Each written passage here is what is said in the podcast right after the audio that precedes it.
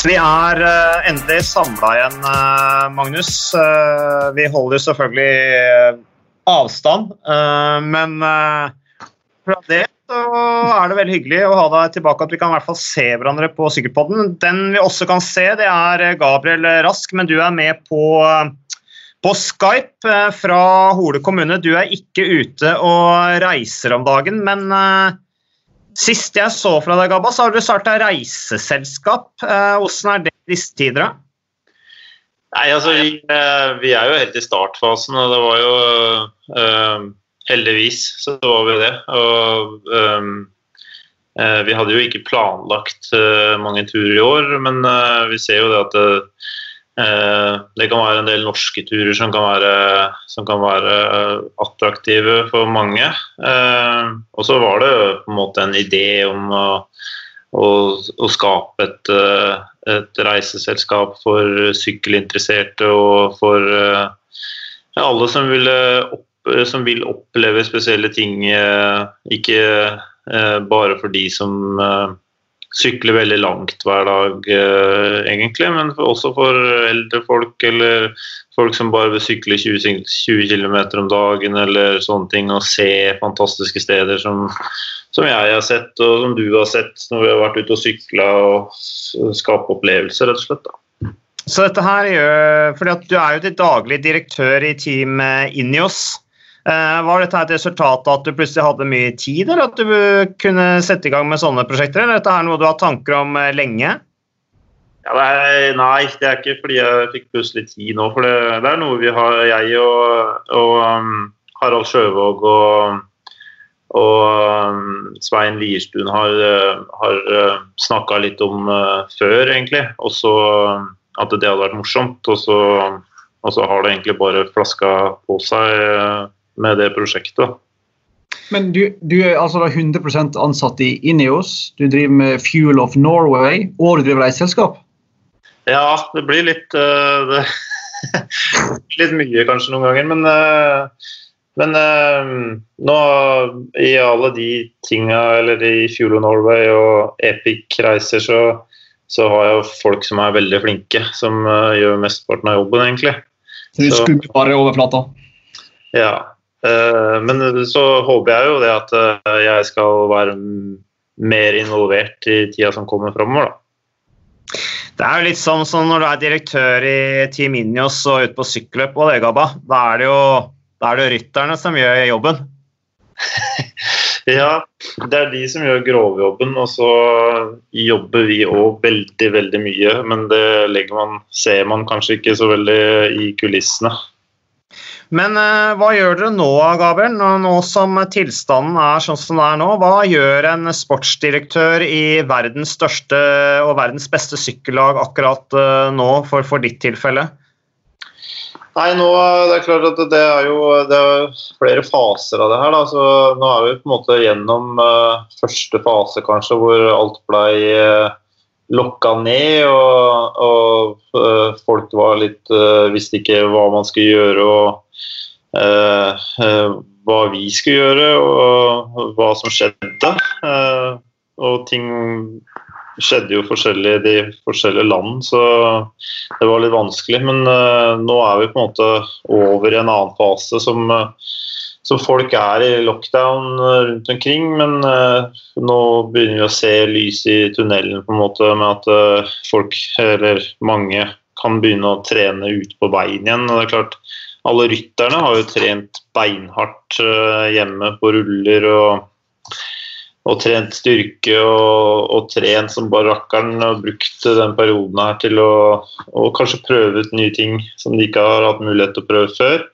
Eh, og da er det jo egentlig trenerne som har vært mest involvert med å støtte rytterne i det daglige treningsarbeidet, da, sammen med eh, det medisinske støtteapparatet og ernæring og fysioen og, og, mekanikerne så godt de kan. Um, og så kommer vi over en ny fase nå etter hvert hvor ting uh, begynner å åpne seg. Da.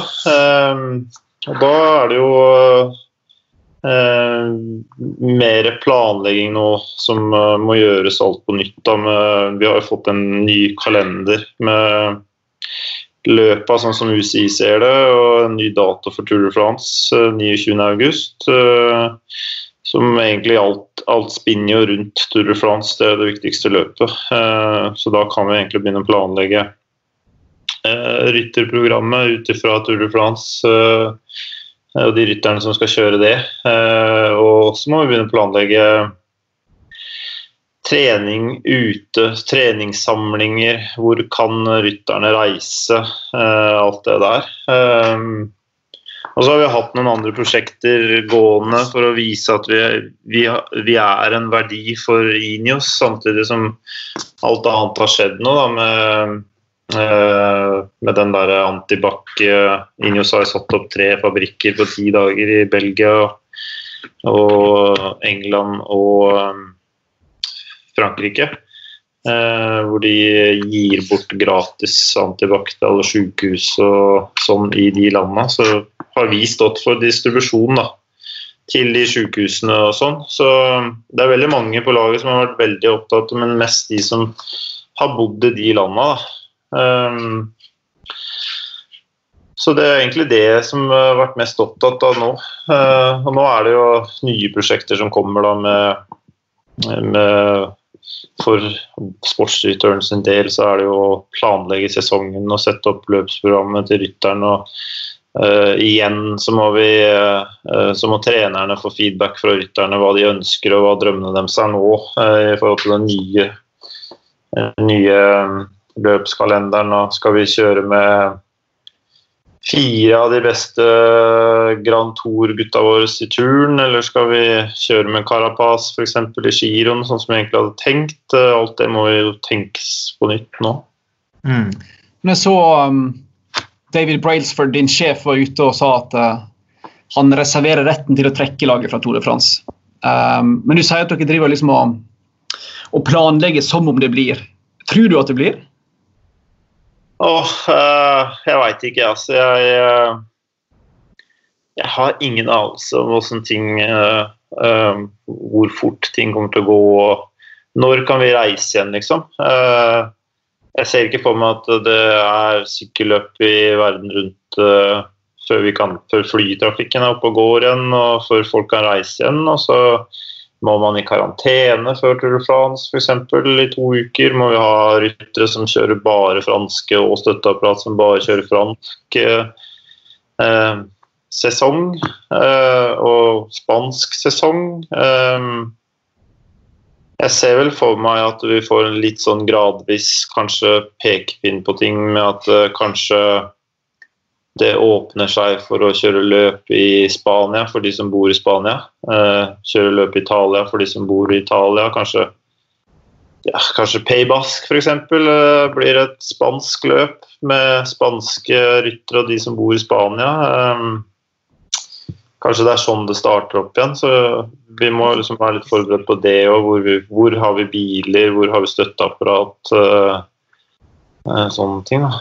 Kan jo risikere da, folk bare, at rytteren bare må reise på sykkelløp og få lokale folk til å kjøre service for seg, sånn, da? sånn som man på en måte amatørsykling er drevet? Uh, ja, men nå har vi jo Vi, vi har jo støtteapparat i uh, egentlig Altså, Vi har jo ikke noen franske ryttere, uh, men vi har mange ryttere i Frankrike, i Monaco. og da det er jo ikke så mye støtteapparat i eh, Frankrike, så vi, vi, må se på det. Men i Italia og Spania eksempel, så har vi jo både sportsdirektører, massører og mekanikere og alt som egentlig trengs for å gi dem den støtten de trenger da, til løp. Men uh, det er klart uh, Ja, så må man tenke litt på bussene er. og men Er det helt tatt mulig å planlegge nå, når det er så mange variabler, som du sier, med at kanskje noen må sykle litt bare i de dagene, Vi har et forslag fra UCI på én kalender. Går det an å planlegge? Ja, vi må i hvert fall planlegge det som uh, eh, UCI har uh, kommet med av datoer. Uh, Tour de France 9.8. Uh, vi må bare vi må bare planlegge i forhold til det, så vi er klare. liksom, Og så må vi prøve å se for oss alle scenarioer.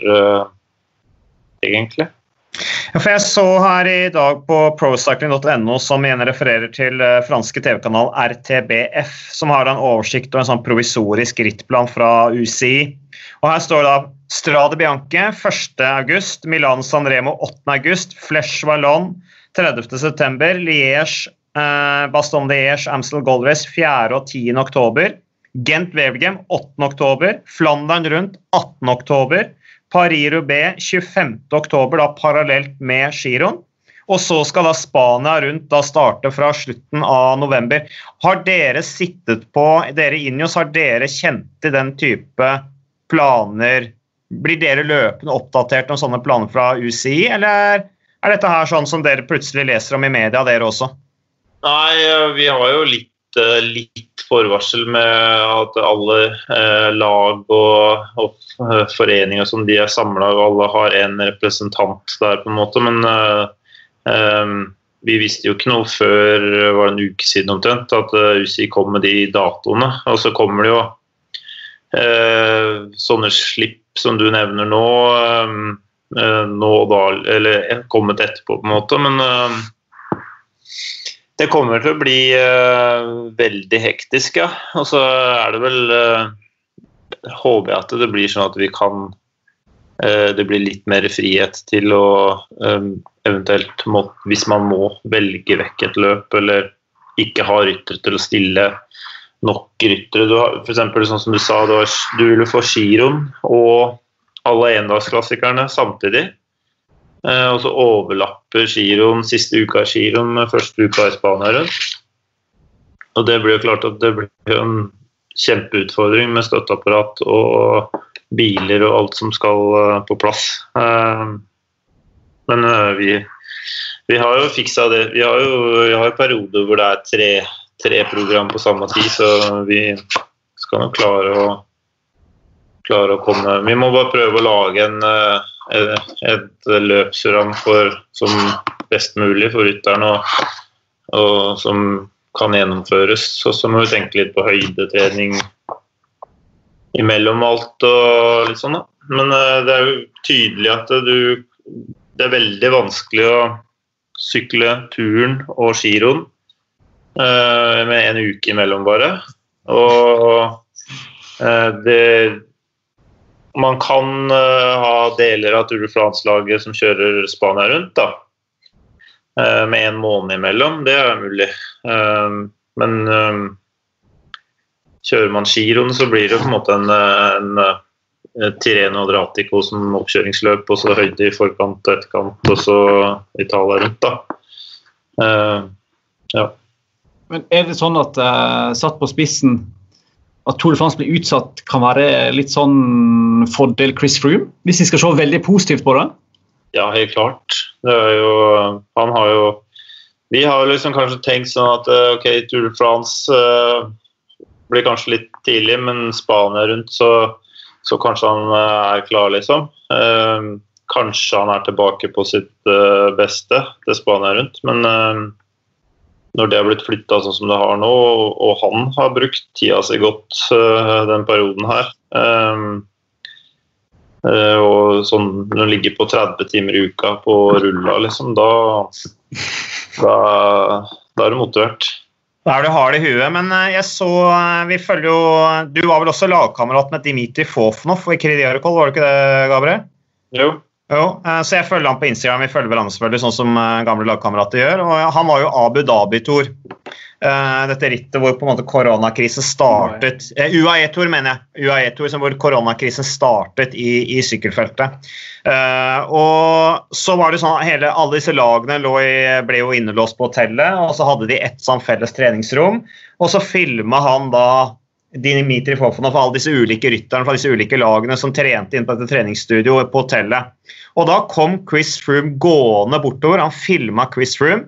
Og jeg ble sjokka når jeg så det videoklippet av Chris Froome, for han halta. Han så jo ut som han akkurat hadde blitt skada.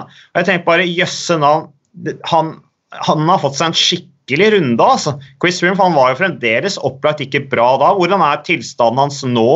I forhold til da? Er det sånn at han for hver dag som går nå, så, så blir han bedre, eller? Ja, han, nå er han jo så å si 100% igjen. Han er det, så, men det er klart han hadde jo 800 gram med metall i kroppen etter den krasjen.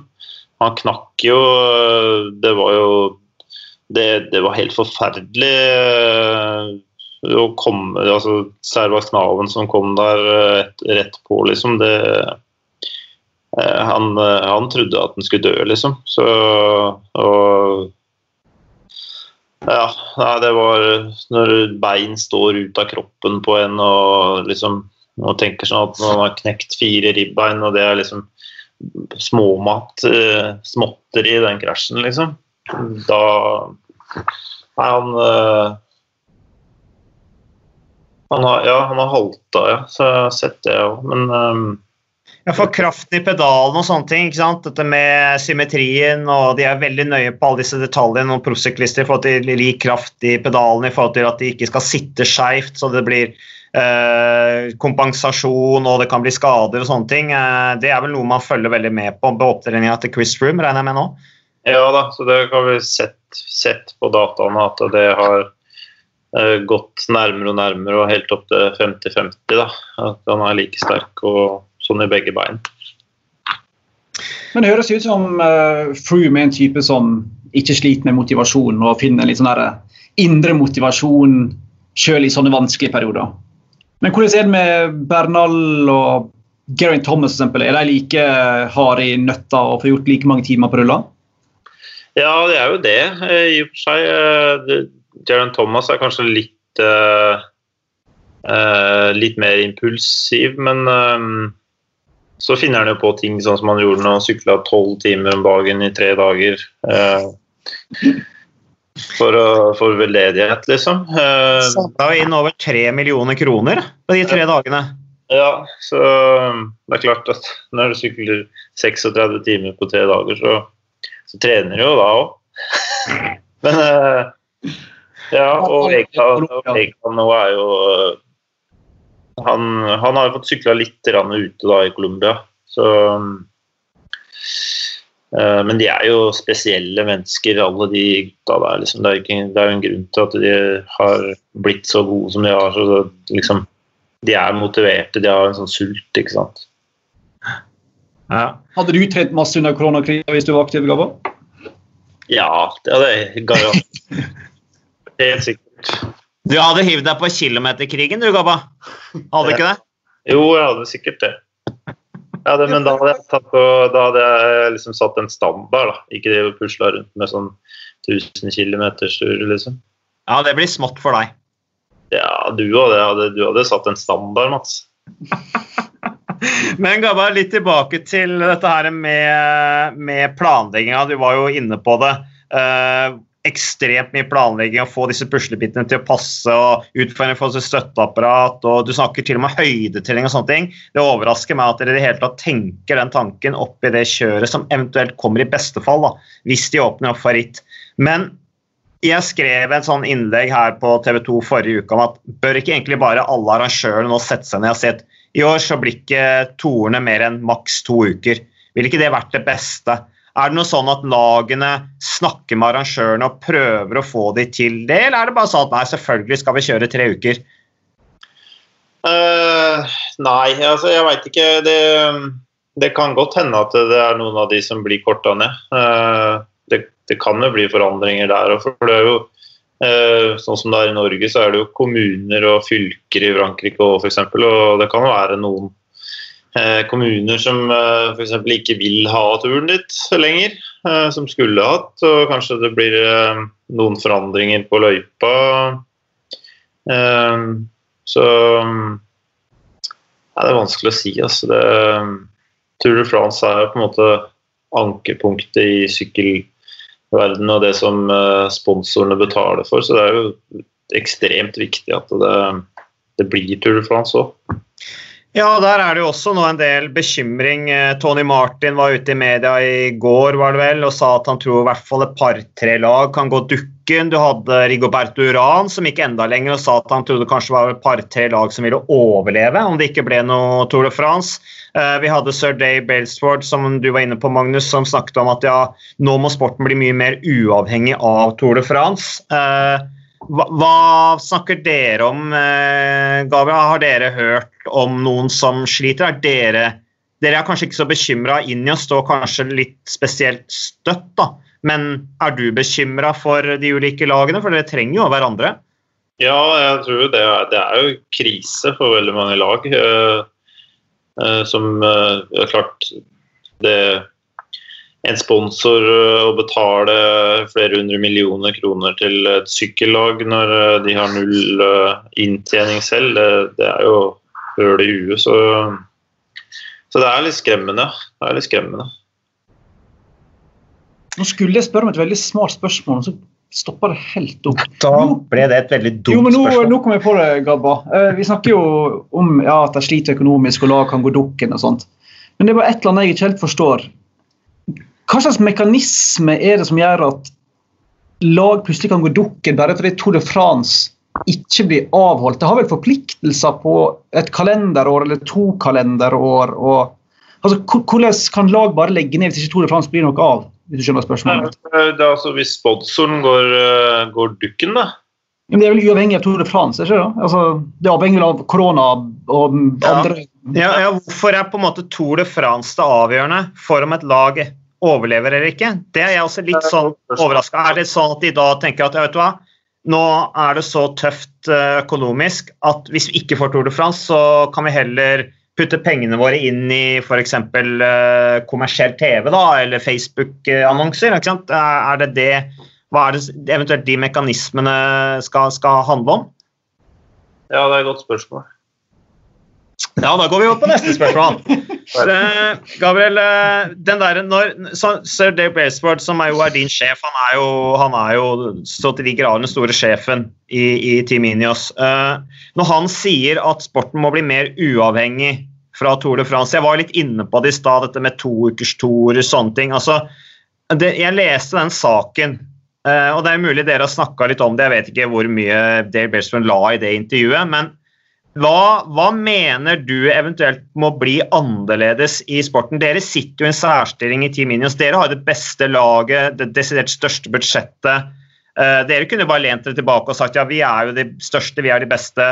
Det fungerer godt for oss. Men hva er det dere, er det dere mener må bli bedre med sporten på, på, litt sikt, og hvor man eventuelt kan bruke den koronakrisa nå da, til å skape en mer uh, bærekraftig eller robust modell? Nei, det er vel det at uh, vi uh, sykkellag sitter jo ikke igjen med noe TV-rettigheter, bl.a. Uh, vi er jo totalt avhengig av sponsorpenger fra en stor sponsor som betaler alt budsjett og alt. Og hvis man ikke har den sponsoren, hvis den trekker seg eller går konk eller et eller annet, sånt, et eller annet skjer med den, så er laget har ingen sikkerhet liksom i inntjeninger. Det er klart Hvis man har hatt TV-rettigheter, en viss uh, sikkerhet der, så uh, kunne det betydd mye for laget, uh, lagene. Og så, er det jo litt det med at man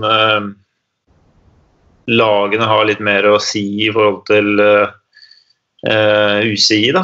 Når, hvor mange løp, hvor mange ryttere som skal være på hvert lag og i hvert løp. Um, at man skal bli hørt og ha mer, mer å si, eh, egentlig. Ja, Skulle du legge til noe? Nei, det er bare det Gabriel sier. det er bare sånn, Vi snakker om at uh, sykkellagene ikke får penger for ritt de selv deltar i, på, altså TV-rettigheter. Det er ganske absurd at det er sånn. Hvis du tenker på diskusjonene som går i norsk fotball nå, så går det i Premier League. altså Alt avhengig av at klubbene får jo TV-pengene i lomma. Det er jo det de lever av. Mm. Ja. I ski, i nesten alle idretter, så får jo deltakerne får en del av potten. Men her sitter du altså Ingen sykkellag får penger for dritt som går på TV. Det er liksom bare sånn, det er så gammeldags at det er vanskelig å forstå da, i 2020, egentlig. Men det beste ville jo vært om arrangørene og lagene eide alt sammen, selvfølgelig. Sannsynligvis. Mm. Jeg vet ikke hva du tenker om det, Gabba. Hvis, hvis det hadde vært mulig. Det er sannsynligvis en utopi, men ja.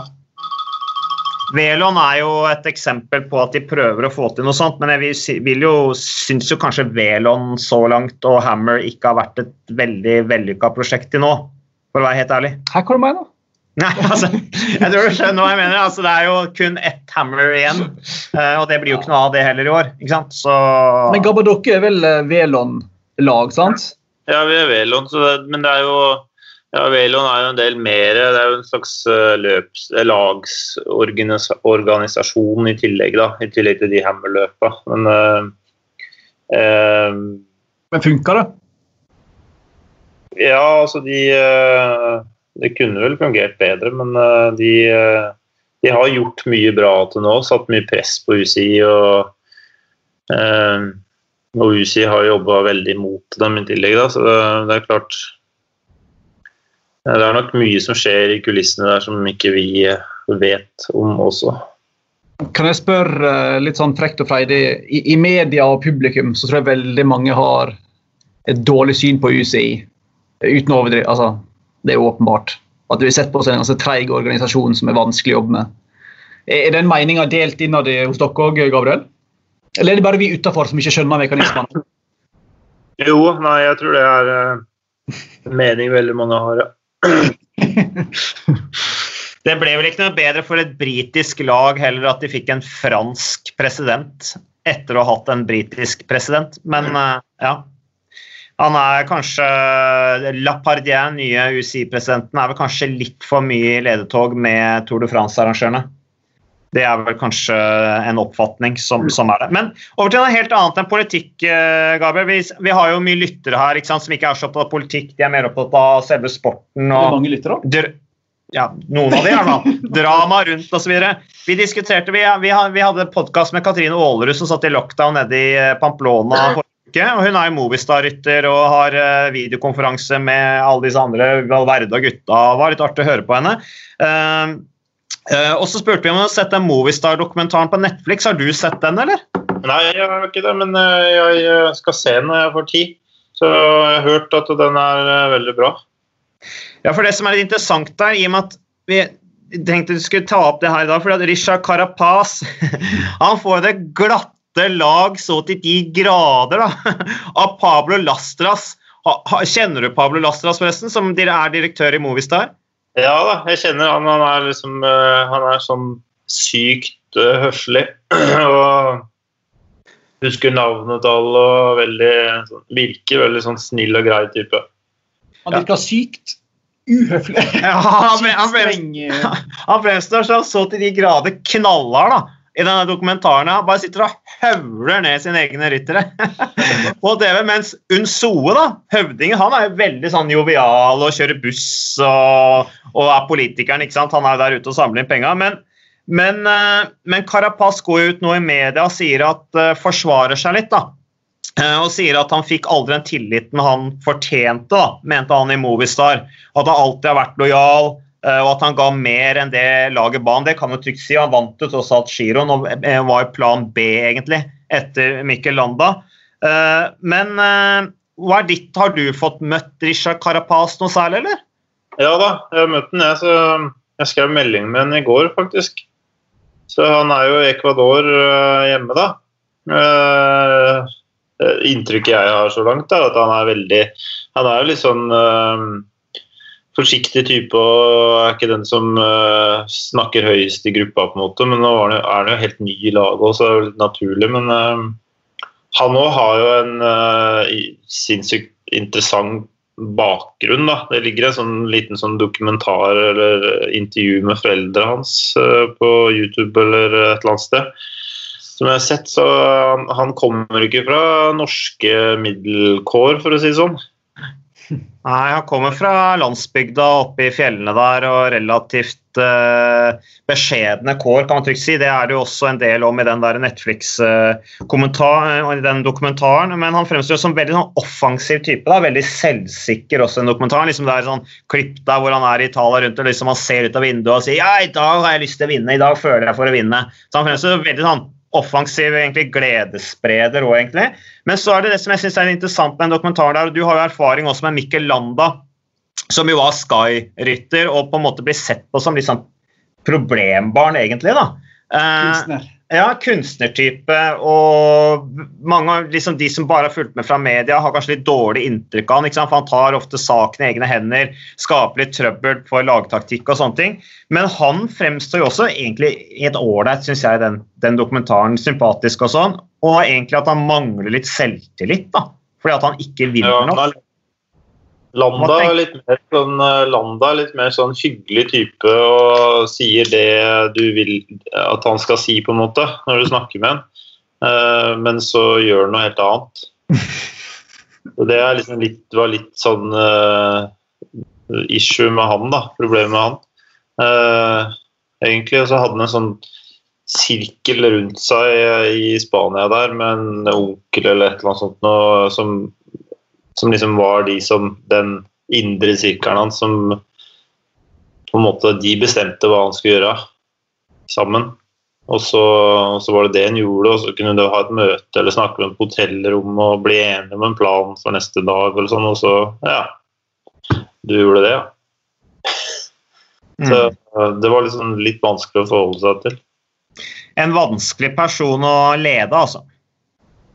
Ja, han var det til tider, ja. Andre ganger så, så var det veldig greit òg, egentlig. Så ja. Men jeg synes, det jeg er spesielt med Landa, er at han, han klager jo alltid på at han aldri blir kaptein. Men så går du altså, du går til Astana, som har Vincenzo Nibali og Fabio Aro. Nei, må bytte lag, blir ikke kaptein. Går til Ineos, der du har Froome og Thomas og Carapaz. Nei, blir ikke kaptein. Må gå til Movistar, der Landa og nei, Landa sier Quintana Valverde. Men hvis du har lyst til å bli kaptein, må du nesten gå ikke følge penger nødvendigvis. da. Faktisk gå til et lag der du kan være kaptein. Han må nesten snart jeg har veldig sans for det, må jo snart slutte å, å syte og faktisk uh, levere noe, tenker jeg. da. Ja, har du trua på han, eller? I Bahrain med McLaren, som det heter nå? Han har jo et vanvittig potensial, i hvert fall. Så han er vel en av de som, eh, som vi har sett som har hatt det største potensialet, kanskje. Men eh, ja, han, eh, man, ja, må slutte å finne unnskyldninger, da. Og gjøre jobben sjøl. Det er jo ofte sånn at når, hvis du har en Hvis du er en beskytta rytter uh, bak en kaptein, så øker jo ofte muligheten din for å vinne sjøl, da. Det har jo vi eh, opplevd gang på gang. Men apropos sånne folk som er litt sånn særgabba, hva er egentlig sannheten med Rowan Dennis? Det er så mange rykter og sosiale medier og spekulasjoner. Hva, hva skjedde der forrige uke, egentlig? Vet du det? Han, eh, han la ut på Insta da, for de som ikke har fått med seg at han tilsynelatende brøyt disse her eh, Ja, nei, han, eh, han, han knakk litt da, psykisk. Han er jo en type litt sånn impulstype. Impulsiv type, heter det. Eh, Så mm, Og samtidig veldig åpen type. Han sier det han mener rett fram.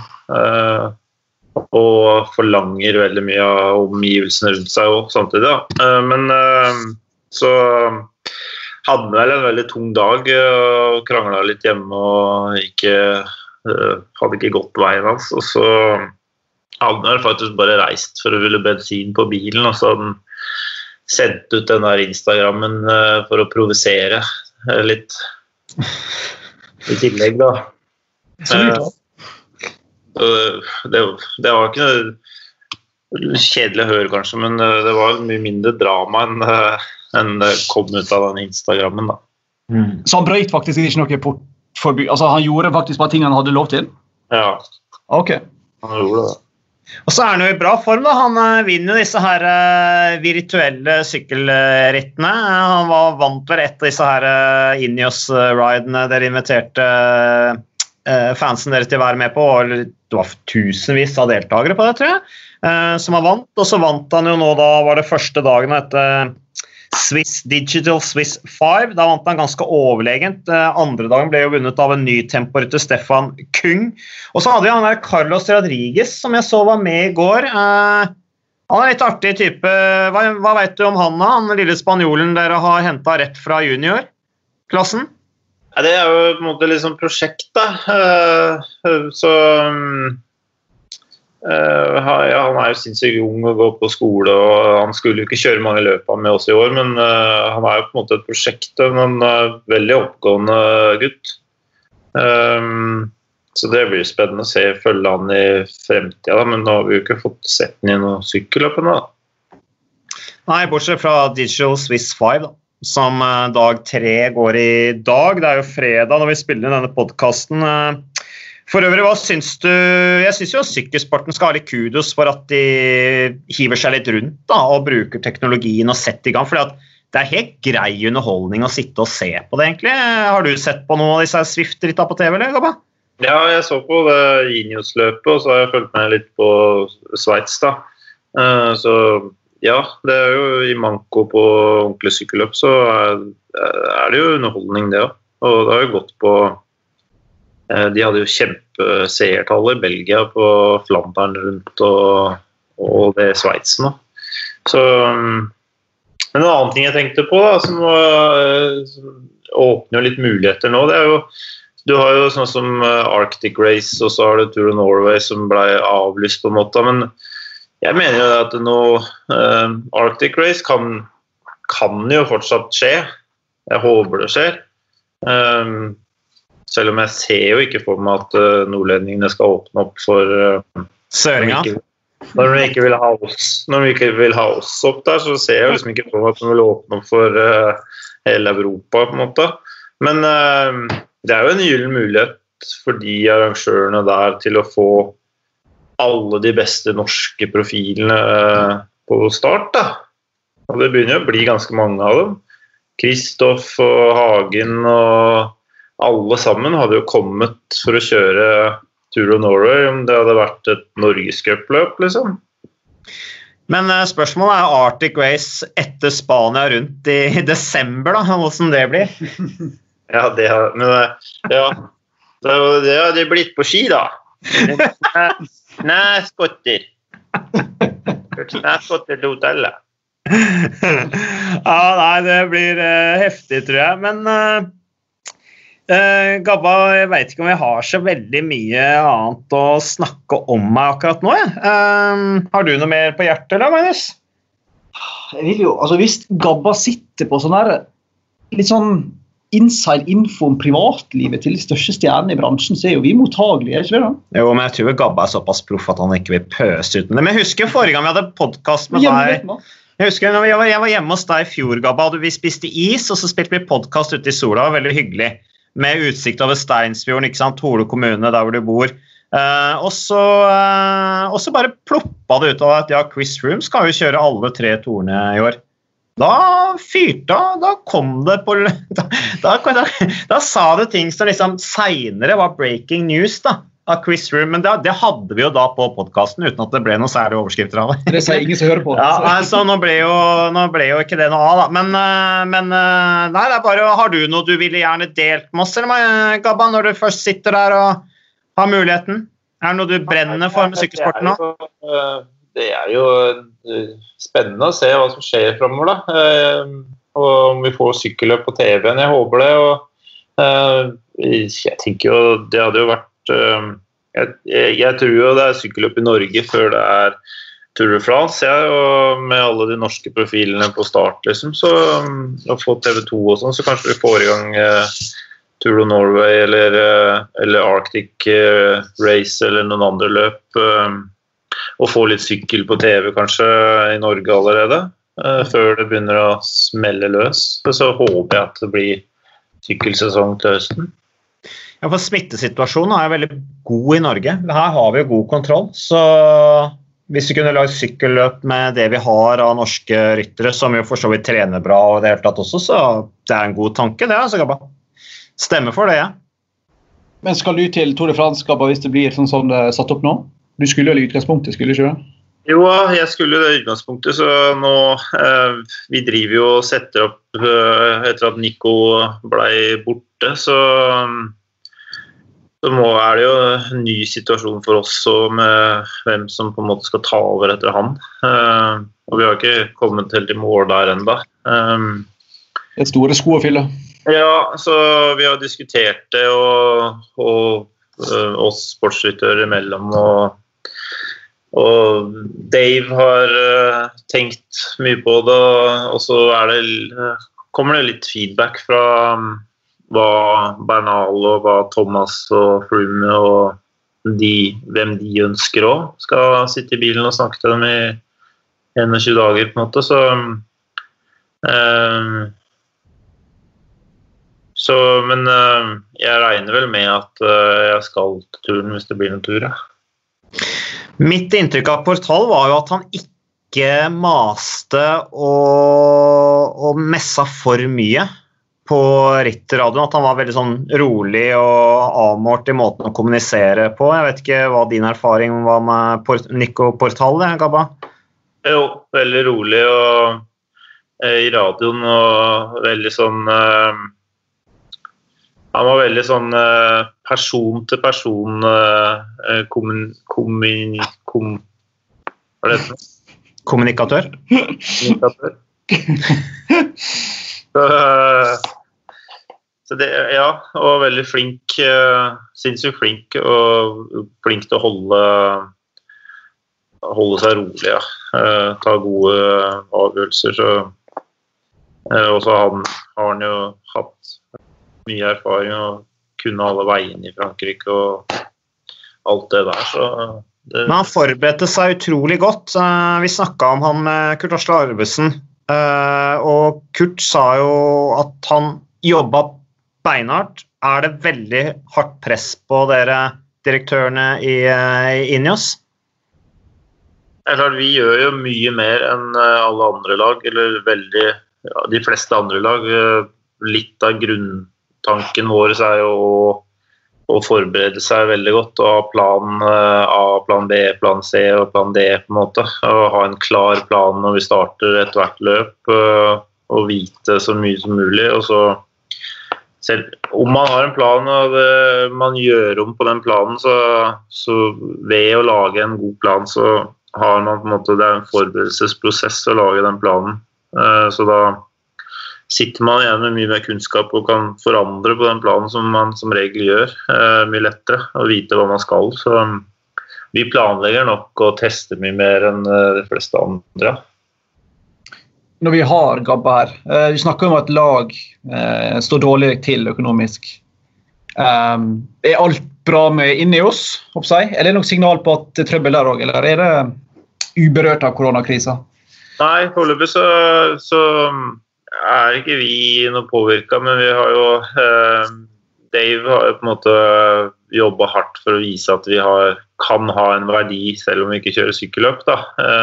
Og det er jo det som vi må jobbe videre med, først og fremst med den antibac-prosjektet som vi hadde, og løp på nett og andre ting vi kan gjøre. Sånn som Jan Thomas sykla for veldedighet og sånne ting som vi må bare Eh, være kreative og, og bruke huet. Men eh, og Inios har jo De er jo eh, påvirka av den lave oljeprisen, de òg.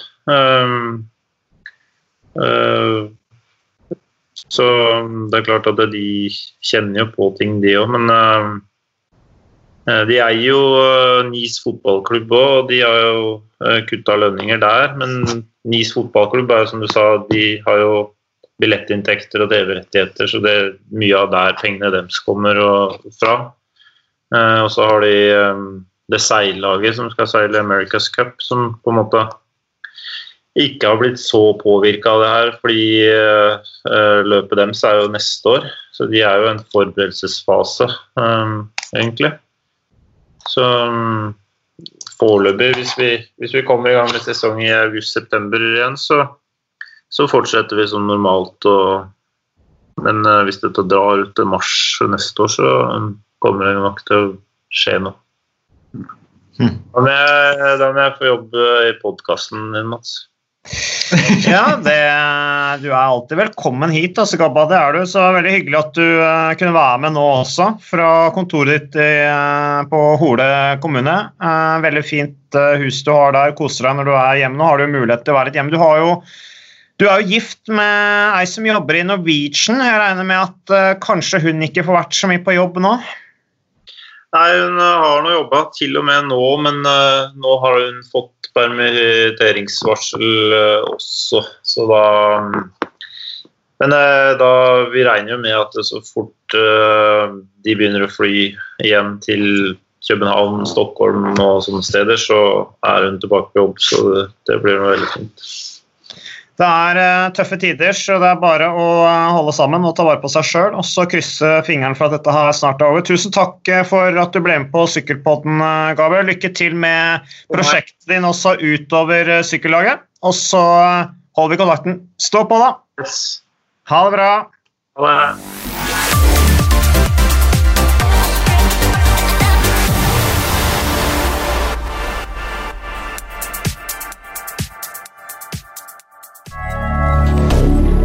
Moderne media.